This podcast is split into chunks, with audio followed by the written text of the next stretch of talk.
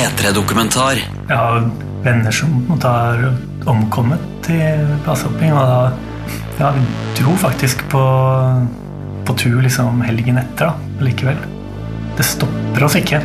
P3. Jeg skal ta en uh, baklengs salto idet jeg hopper. Og så ser det bare litt skummelt ut. Rent fysisk, liksom etter et hopp, så er liksom eh, musikken er litt finere, maten smaker litt bedre, du forsterker liksom verden rundt deg litt mer, da. På kanten. En P3-dokumentar om å bli lykkelig av å kaste seg utfor stup. Jeg heter Nora Brønseth.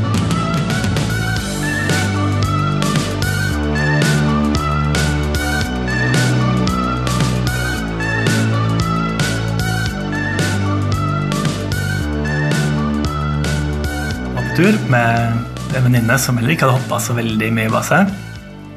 Eh, men vi gikk opp på et veldig stort, eh, overhengende fjell som heter Karlskrottin. Så kom vi opp der, og så blåste det sånn bitte litt. Og så visste vi ikke helt eh, på en måte, er det her bra vind, er det dårlig vind, hvor mye vind er egentlig vanlig når man er oppe på basse. Vi ante egentlig ikke hvordan det ville påvirke oss. Så vi, vi kasta et matpapir og skulle på en måte se hvordan det fløy nedover.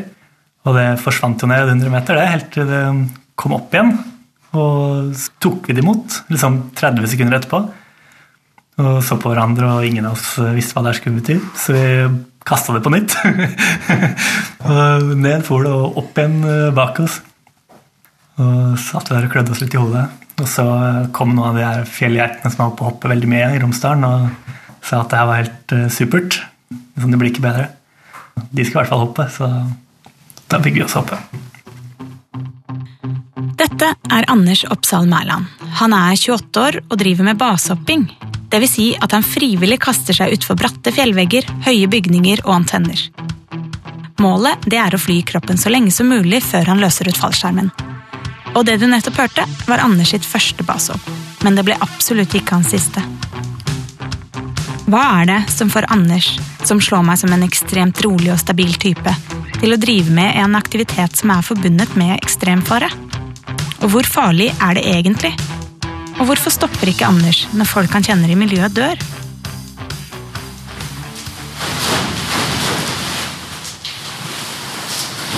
Sånn pakker for å hoppe lavt, da, som vi pakker på nytt for å hoppe høyt. Vi befinner oss på NTNU i Trondheim, hvor Anders, kjæresten Rebekka og kompisen Henrik bruker et av klasserommene som pakkerom.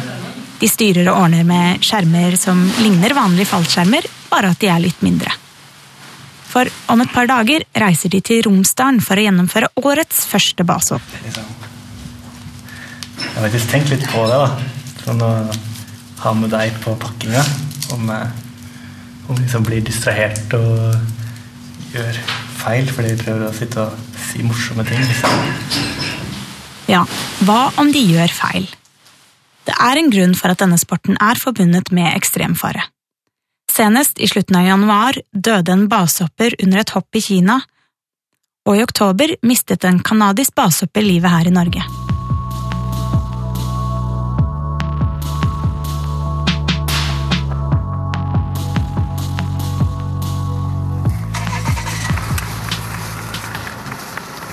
Fin dag for tur, da. Akkurat nå det ser veldig fint ut.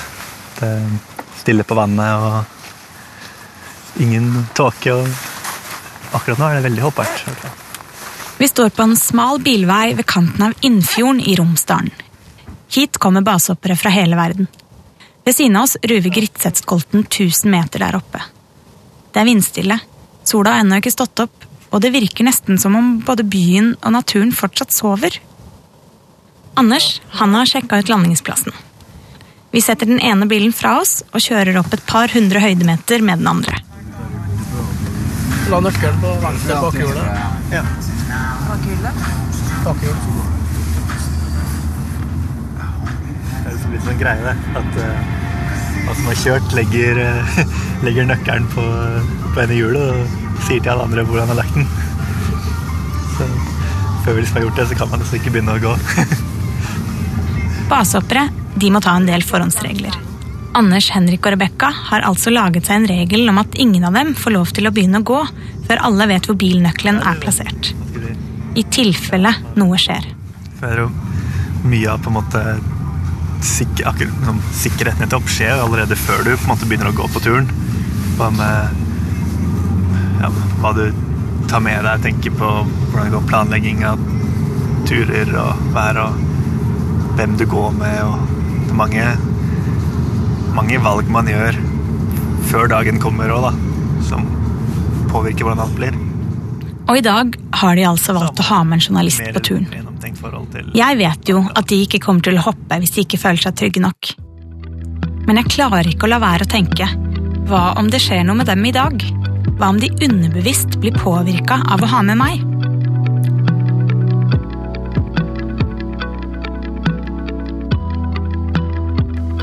Hvis vi ser sånn statistisk på det, så er det, så, så er det ikke så farlig å drive med basehopping som en kanskje skulle tro. Altså, det er langt ifra russisk rulett. Dette er psykolog Audun Hetland. Der eksisterer lite statistikk, men den statistikken som er, den er fra Kjerag. Eh, Kjerag er kanskje den, eh, den tryggeste, en av de tryggeste plassene å drive med basehopping. Men når du står på toppen av Kjerag og skal gjøre ett basehopp, så har du 99,6% sjanse for å overleve. Det vil si at du har 0,4 promille sjanse for å omkomme. Per hopp, da. Eh, Det her er ennå farlig.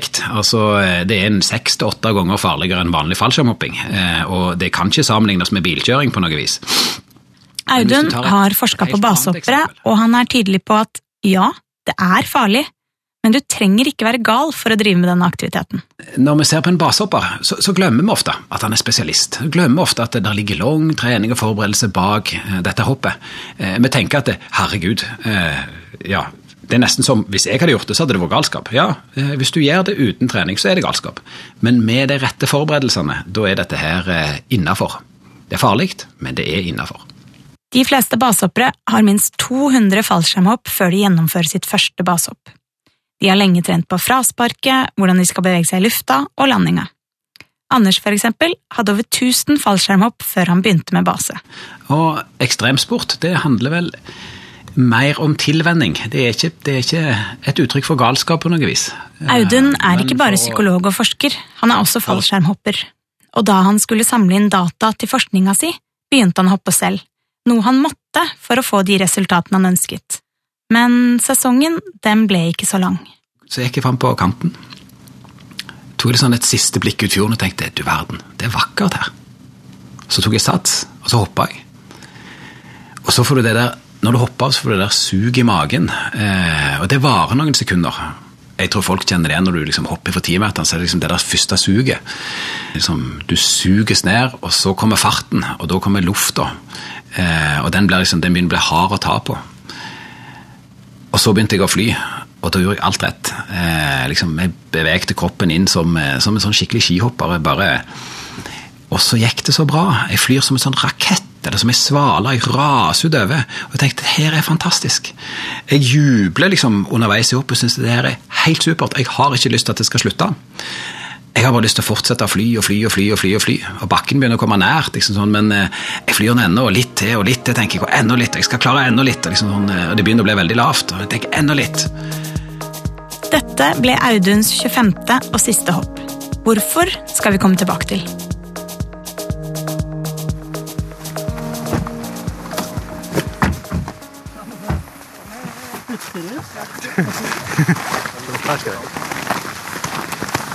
Vi starter på den to timer lange gåturen opp til Gritsetskolten. Det er januar, omtrent fire grader i lufta og foreløpig bart på bakken. Snøen ligger litt lenger oppe. Hva tenker familien din om at du driver med vannsak? Det er veldig forskjellig, egentlig.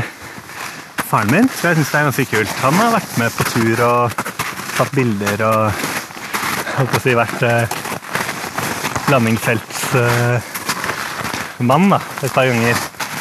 Så han, eh, han tror jeg skjønner det godt.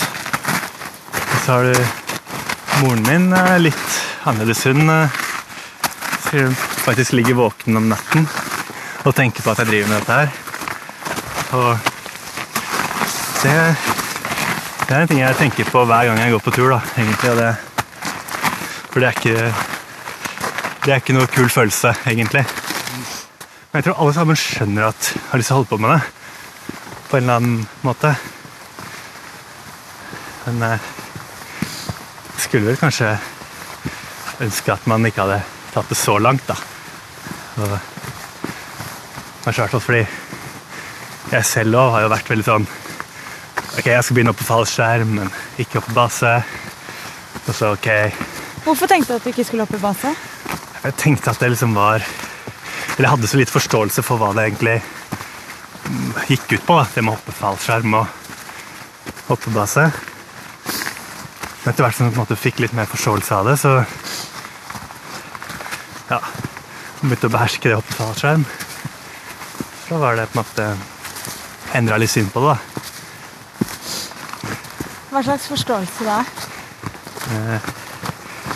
Som blir kjent med utstyr, lærer å fly kroppen sin og bli kjent med mange folk og ser at det ikke bare er liksom folk med dødsønske som holder på, da.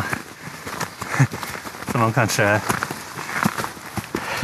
Man føler at mange tenker, da. At uh, blir sett på som folk som måte, det har ikke så mye å si, og man bare Søren heller, nå hopper jeg, liksom. Går det bra, så går det bra. Men uh, det er liksom ikke det det handler om, da. Så Hva handler det om det? Det handler om mennesker og naturopplevelse og mestring, egentlig. Og det at man kan gjøre sånne ting da, som egentlig er så fjernt og ligger så langt vekk da, for mange andre å få til. At man klarer å gjøre det på en god måte og komme unna med det. Det handler om for meg.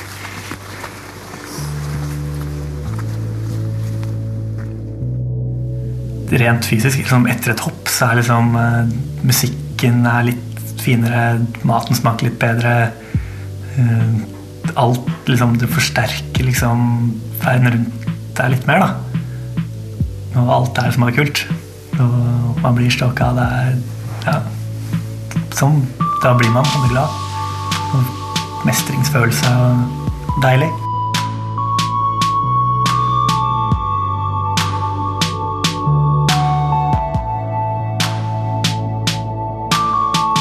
Basehopping er, altså, det, det, er, det er mestring på et sånn et ekstremnivå. Dette er psykolog Audun Hetland igjen. Der du mestrer, du mestrer flere ting. Eh, både så, det, så, så, håndterer du noe som er farlig, du får til noe som er vanskelig, og så er det i tillegg den der følelsen av å fly, som eh, er kanskje en av menneskets eldste drømmer. Og når du får alt det der i én pakke, eh, det at du, du, du flyr jo faktisk. Altså, det, det, føles som å fly som en rakett eller som en svale. Eller, og når det virkelig funker, så er det en, en opplevelse som er helt eh, annerledes enn en noe annet du har eh, kan sammenligne det med, tror jeg. Eh, og, og, den pakka der, eh, den, den, den, er ganske voldsom. Eh, så at en strekker seg etter noe sånt, eh, det, det er ikke vanskelig å skjønne. Anders og Rebekka har drevet med basehopping i litt over tre år, men de kaller seg fortsatt nybegynnere. Og hoppet de i dag skal gjennomføre, er ikke av det vanskeligste slaget, men det er heller ikke et nybegynnerhopp. Det er fordi det er lite overhengende, dvs. Si at det er viktig at de gjør frasparket riktig for at de skal komme seg godt nok ut fra fjellveggen. Men det er bygget en rampe der som gjør hoppet litt tryggere.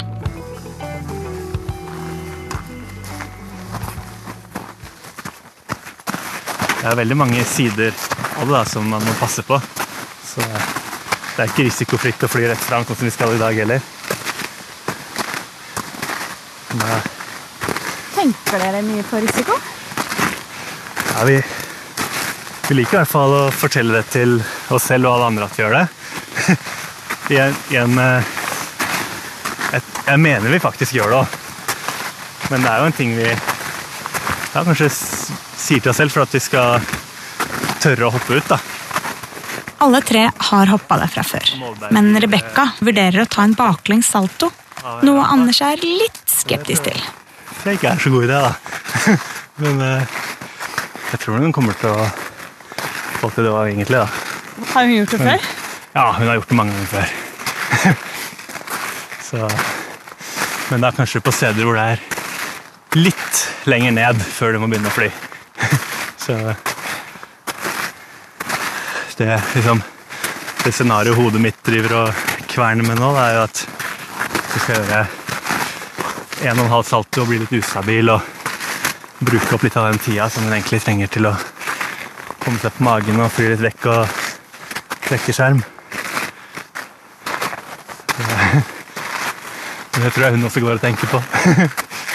Sånn som en, en liten avgjørelse om å gjøre en salto ut fra toppen kan fort liksom balle på seg en ny situasjon, en ny situasjon, en ny situasjon. Helt til du på en måte får skikkelig trøbbel, da. Så med å bare hoppe rett ut og ligge på magen med en gang, så har man noen mye bedre forutsetninger for et godt, eller et trygt hopp. Er det noen ganger du syns at hunden pusher grensene? Ja, hver gang. Men så er det liksom, tar jeg meg selv i å synes at det er skikkelig kult når hun hopper. Nei, jeg, jeg vil jo at hun skal holdt på å si, ikke gjøre noe dumt, da. Og så eh, har vi litt forskjellig oppfatning av hva dumt er, kanskje. Vi har nok det. Anders gjør mye bra der òg. minner meg på iblant å tenke gjennom litt ting som jeg kanskje ikke helt eh, tenker helt rett om selv. Og igjen, det er ekstremt viktig å tenke gjennom ting på forhånd, for ellers kan det gå skikkelig galt. Det er ingen som vet nøyaktig hvor mange som driver aktivt med basehopping i Norge, men flere anslår at det er omtrent 100 stykker. Og siden basemiljøet ikke er så stort, kjenner Rebekka og Anders folk som har omkommet under hopp. Jeg tror at hvis du si, både i fallskjerm og bare hvis man måtte er med på en stund, så opplever man det rundt seg. Det, det kommer man ikke unna. Hvordan er det å drive med sporten da etter noe sånt har skjedd? Det er jo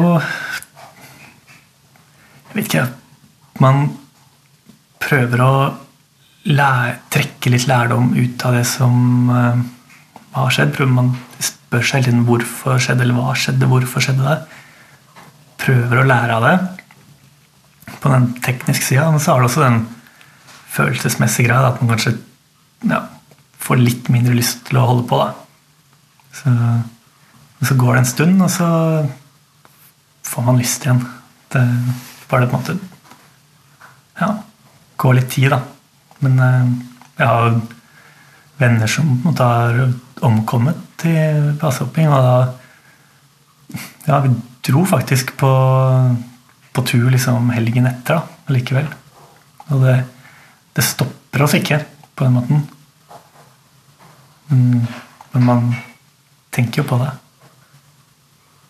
Har du tanker om hvorfor det ikke stopper dere? Jeg tror bare fordi man er så klar over det i utgangspunktet. At det kan skje. Det er ikke sånn at man får noe sånn Det kommer selvfølgelig alt som et sjokk når man mister noen man er glad i.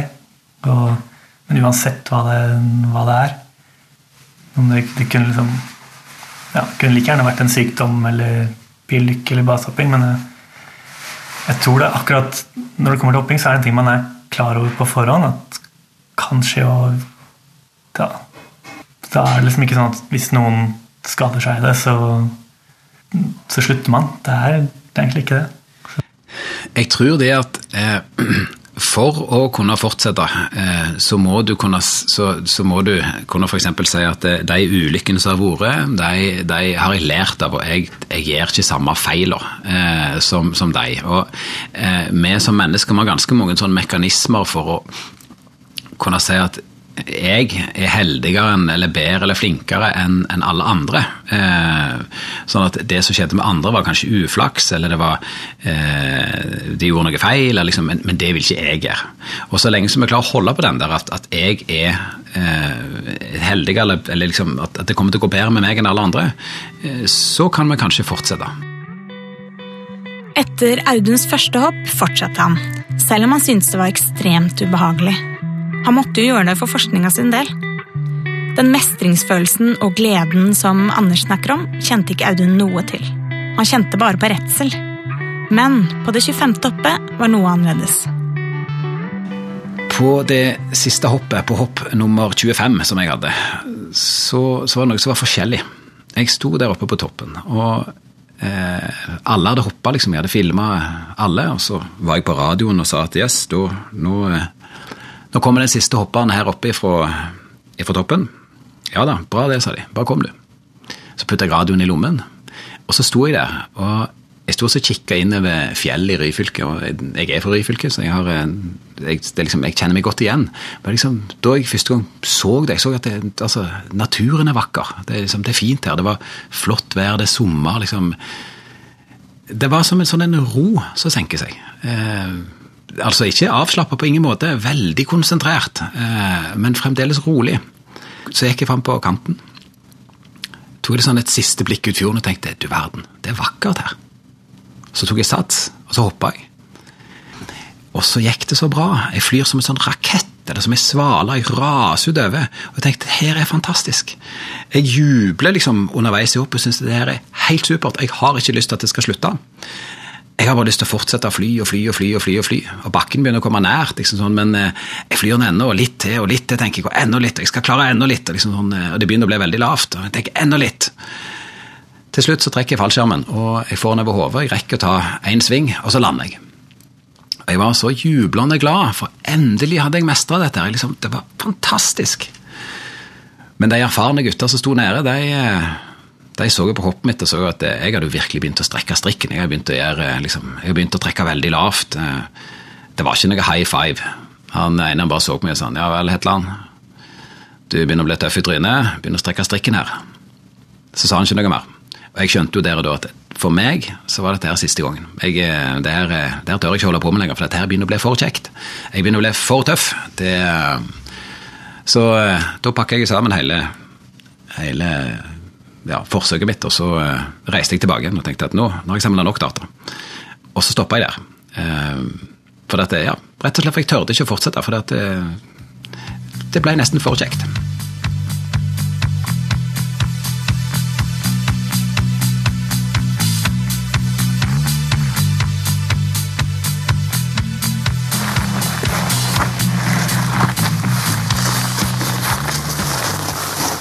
Ta nervøse skvetten. Vi har kommet fram til tuppen av Gritsetskolten. og mens Anders letter på trykket, eller tar nervøskvetten, som han kaller det, sjekker Rebekka ut området. Det er litt sånn Det stikker noen fjellklosser ut nedi der. Eller er det mindfuck når jeg skal gjøre den gaineren, eller er det Nei, jeg tviler ikke. Jeg skal gjøre det. Jeg bare det ser litt sånn sketsj ut. Ja, det det. Men jeg har bestemt meg. Det er klart du har. Hæ? Det er klart du har. Hva er det du har bestemt deg for, Rebekka? Jeg skal ta en uh, baklengs salto idet jeg hopper. Skal jeg gjøre. Og så ser det bare litt skummelt ut under der. For det er litt sånn fjellklosser som stikker ut. Men som regel så er det bare at det ser veldig mye mer skummelt ut enn hva det egentlig er. Det hørtes veldig rart ut, men det er litt sånn.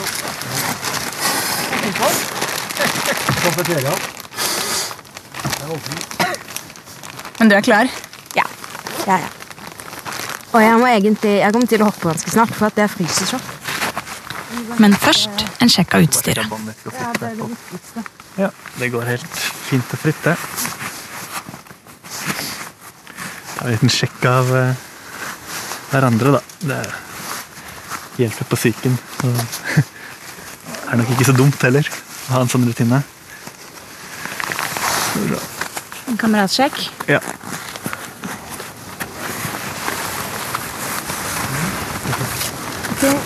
Det ser fin ut eh, bak. Jeg vet ikke om jeg har lyst til å se på.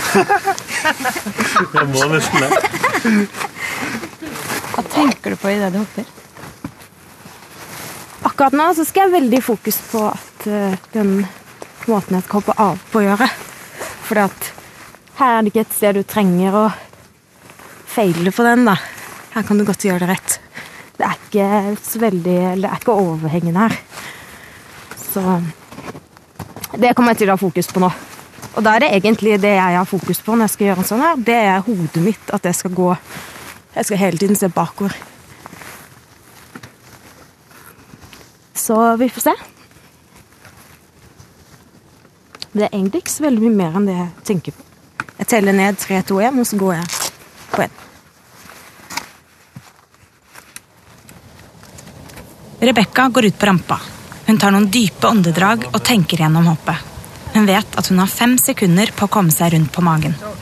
Deretter må hun nemlig fly litt utover før hun kan trekke i skjermen. Så kort tid har hun ikke hatt på en salto før. Hun titter ned 1000 meter og gjør seg klar til å hoppe.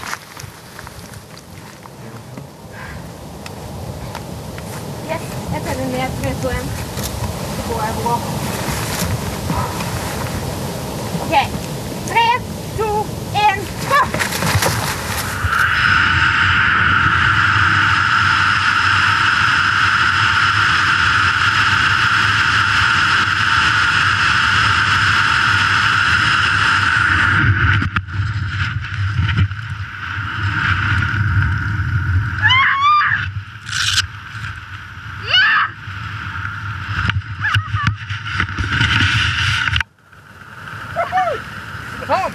Jeg når de gjør sånn her.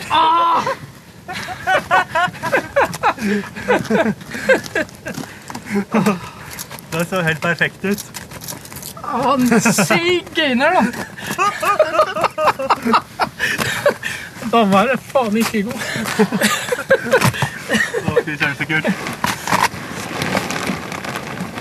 Og da er det bare for Henrik og Anders å kaste seg ut i det, med én bekymring mindre. Ja, da er vi, da er vi klare i hvert fall. Ok. Ok. Tre, to, én, kom igjen.